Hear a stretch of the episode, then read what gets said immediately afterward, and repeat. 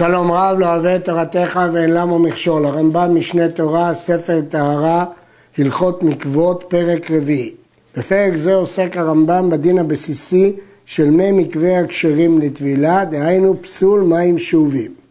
דין תורה, שכל מים מכונסים, טובלים בהם, שנאמר מקווה מים מכל מקום, לכאורה אפילו נשאבו בכלי, והוא שיהיה בהן כדי להעלות בהן טבילה לכל גוף האדם בבת אחת. שערו חכמים, אמה על אמה ברום שלוש אמות, ושיעור זה הוא מחזיק ארבעים שאה מים, בין שאובים, בין שאין שאובים. זהו דין תורה. אם כן, דין תורה, צריך שיהיו המים מכונסים במקום אחד, בלשון הגמרא אשבורן, וכל גופו צריך לעלות בהם. אבל לא חשוב אם מילאו את המים שם בכלים מהתורה. בתורה כתוב ורחץ במים את כל בשרו, וכתוב ורחץ את כל בשרו במים, מים שכל גופו עולה בהם, וזה השיעור ששיערו חכמים, אמה על אמה ברום שלוש אמות.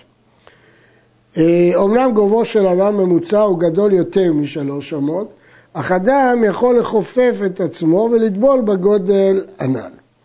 ארבעים שאה לפי שיטת רב חיים נאה הם 332 ליטר, לפי שיטת החזון איש 573 ליטר. בהלכה זו קובע הרמב"ם את שני הדינים היסודיים של מקווה, דהיינו 40 שאה, שמהתורה אפילו הם שאובים. לגבי 40 שאה, לדעת הרמב"ם, מדאורייתא מספיק שכל גופו עולה בהם, החכמים קבעו 40 שאה, אבל יש שחלקו עליו עליו, לדעת הרש, אין בכלל שיעור מדאורייתא, כמה שיהיה, העיקר שכל גופו ייכנס בהם. אה, מחכמים תקנו 40 שאה, אבל לדעת הרש והתוספות, שיעור 40 שאה הוא מדאורייתא. נוסיף עוד שלדעת הרמב"ם שיעור 40 שאה נאמר דווקא במי מקווה, אך במי מעניין מגבילים בכל שיעור. כך סובר אה, הרמב"ם, הראב"ד, התוספותריד, הר"ן, אבל אחרים, רש"י, רבנו תם וראש, חולקים וסוברים שגם במעיין לטבילת אדם נדרשים 40 שאה, וכך הכריעו הטור והשולחן ערוך. מדברי סופרים, שהמים השאובים פסולים לטבילה. לדעת הרמב"ם, מקווה אפילו שכולו שאוב פסול לטבילה, ולא עוד, אלא מקווה מים שאינם שאובים, שנפלו לתוכן שלושת לוגים מים שאובים, פסלו הכל. אף על פי שפסול מים שאובים מדברי סופרים, למדו בהיקש. הרי הוא אומר, אך מעיין ובואו מקווה מים יהיה טהור. מעיין אין בו תפוסת יד אדם כלל, והבור כולו אדם שהרי כולו מים שאובים. אמרו חכמים, המקווה לא יהיה כולו שאוב כבור, ואינו צריך להיות כולו בידי שמיים כמעיין, אלא אם יש בו תפוסת יד אדם, כשר. משהו בין מעיין לבין בור. ולכן חכמים פוסלים מים אה, שאובים. יש ראשונים שחולקים על הרמב"ם וסוברים שאם כל המקווה שאוב במים שאובים זה פסול מדאורייתא, לא מדרבנן. אה, עיקר אה, הרמב"ם אומר שהגזרה היא לא רק אם כולו מים שאובים, אלא גם אם נפלו לתוכו שלושה לוגים מים שאובים, אבל זה דווקא אם אין בו 40 שאה. אם יש בו 40 שאה, אז מים, שלושה לוגים שנפלו לא פוסלים. כיצד?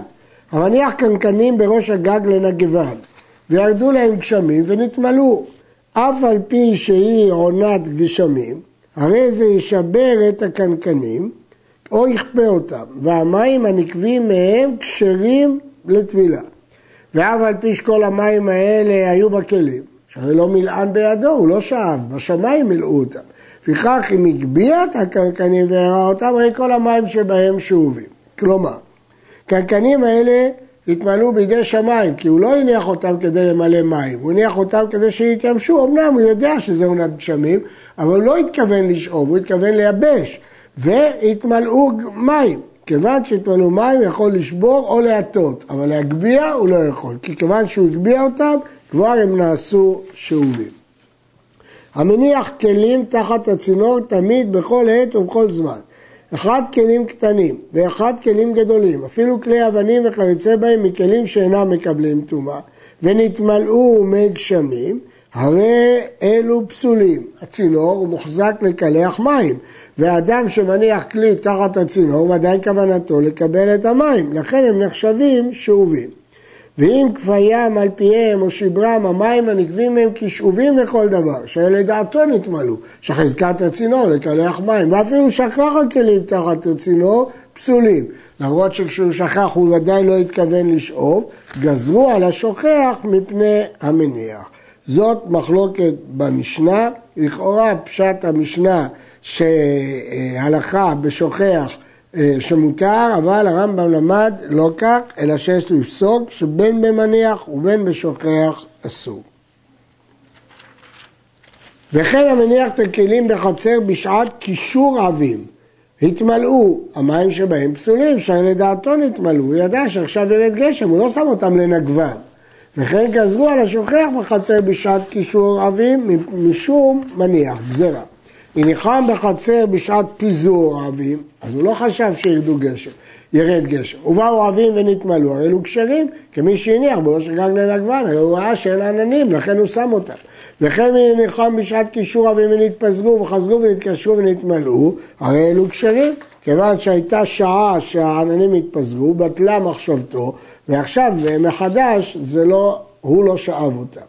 ואם שיברם או כפיים, המים הנקבים הם כשרים. נזכיר, כמובן שאסור לו להגביה. אם הוא יגביה, מיד הם נעשים שאובים. הסייד ששכח עציץ במקווה ונתמלא מים, אף על פי שלא נשאר במקווה אלא מעט, והרי העציץ יש בו רוב המקווה, הרי ישבר את העציץ במקומו ונמצא המקווה כולו כשר. הסייד הביא את הסיד כדי לסייד את הבור, ושקע הדלי לתוך מי הגשמים שבבור ונתמלא מים. המים שנכנסו לדלי לא נחשבים שאובים ולכן הוא יכול לשבור את הכלי והמים קשה. זה כדעת רבי יהושע במשנה שלא כדעת רבי אליעזר. וכן המסדר את הקנקנים בתוך המקווה כדי לחסמן. נהגו להניח קנקנים בתוך מור מים כדי שדפנות הכלים יספגו הרבה מים ולא יספגו אחר כך את המשקים שייתנו בהם. אז אם כן, המים נבלעו בדפנות, לשם כך הוא שם אותם. אבל כאן הם לא רק נבלעו בדפנות, נתמלאו מים, וזה הוא לא תכנן. אף על פי שבלע המקווה את מימה ולא נשאר שם מים כלל, אלא מים שבתוך הקנקנים, הרי זה ישבר את הקנקנים והמים הנקבים מהם מקווה כשר. מדוע? מכיוון שהוא לא התכוון לשאוב, הוא לא התכוון למלא את הקנקנים, הוא התכוון רק שהדפנות שלהם יספגו מים, לא שהם יתמלאו מים, ולכן במקרה הזה מותר לשבר. נשים לב שפה לא התירו לכפות, בגג התירו לכפות או לשבר אבל לא להרוג, פה התירו רק לשבר. כיצד פוסלים המים השאובים את המקווה בשלושת לוגים? שאם היה במקווה פחות מ-40 שאה ונפלו לו שלושת לוגים והשלמו ל-40 שאה, הכל פסול. אבל מקווה שיש בו 40 שאה מים שאינם שאובים ושאב בקד ושפך לתוכו כל היום כולו, כשר. אם כבר יש בו 40 שאה כשרים, גם אם הוא יוסיף לו כמויות גדולות של מים, וזה מה שנוהגים היום, שיש בו, שיש בו 40 שאה, ואז מוסיפים לו מים.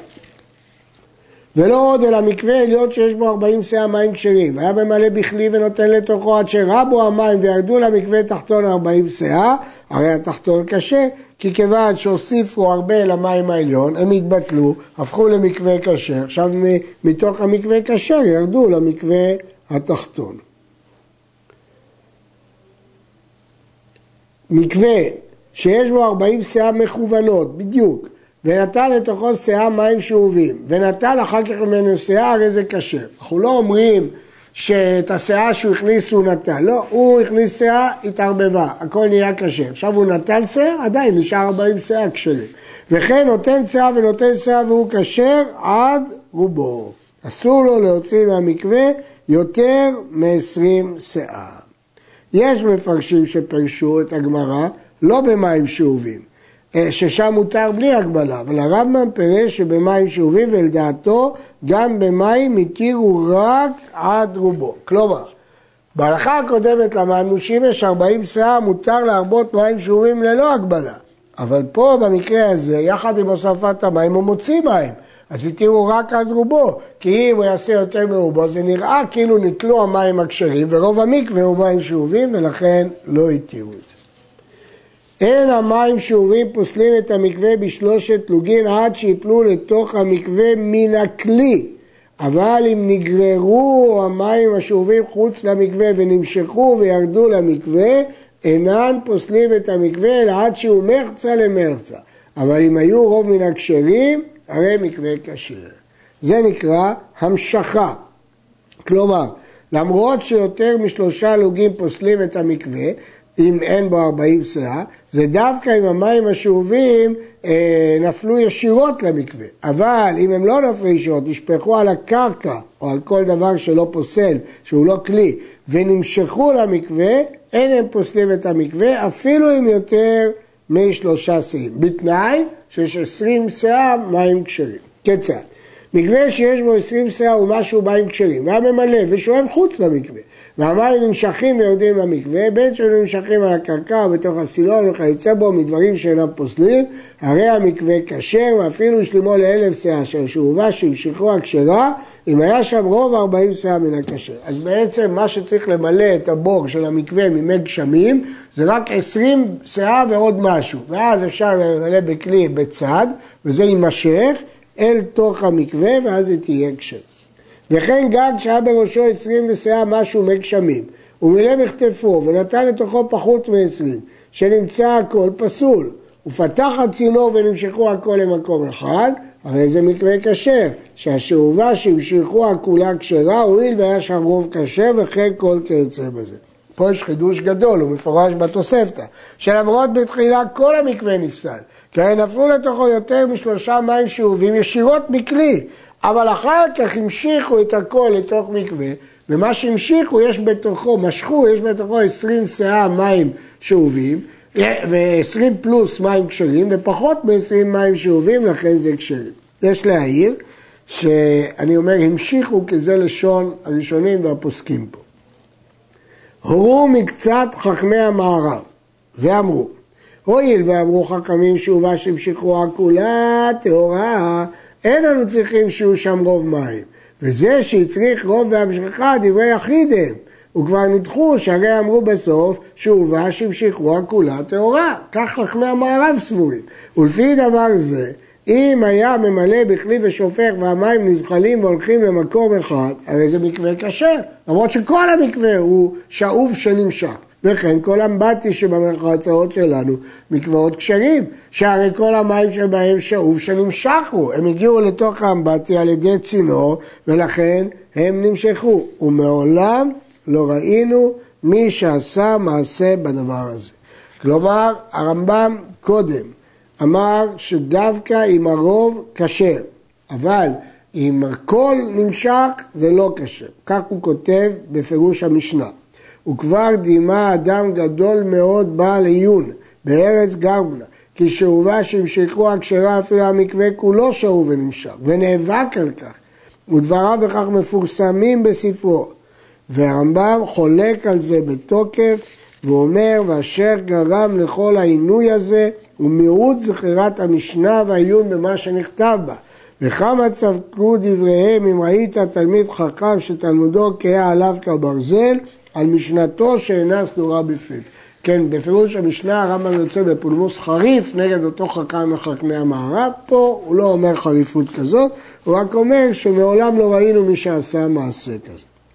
מי גשמים ומים שאובים שהיו מתערבים בחצר ונמשכים ויורדים לעוקה שבחצר, או שמתערבים על מערונות המערב ויורדים למערב. אם רוב מן הכשר כשר, רוב מן הפסול פסול, מרצה מרצה פסול. כל הדין הזה למדנו בהלכה הקודמת, הוא נכתב פה כי זה לשון המשנה. אימתי? בזמן שהיו התערבים עד שלא יגיעו למקווה ונמשכים ויורדים, אז אפשר לסמוך על הרוב.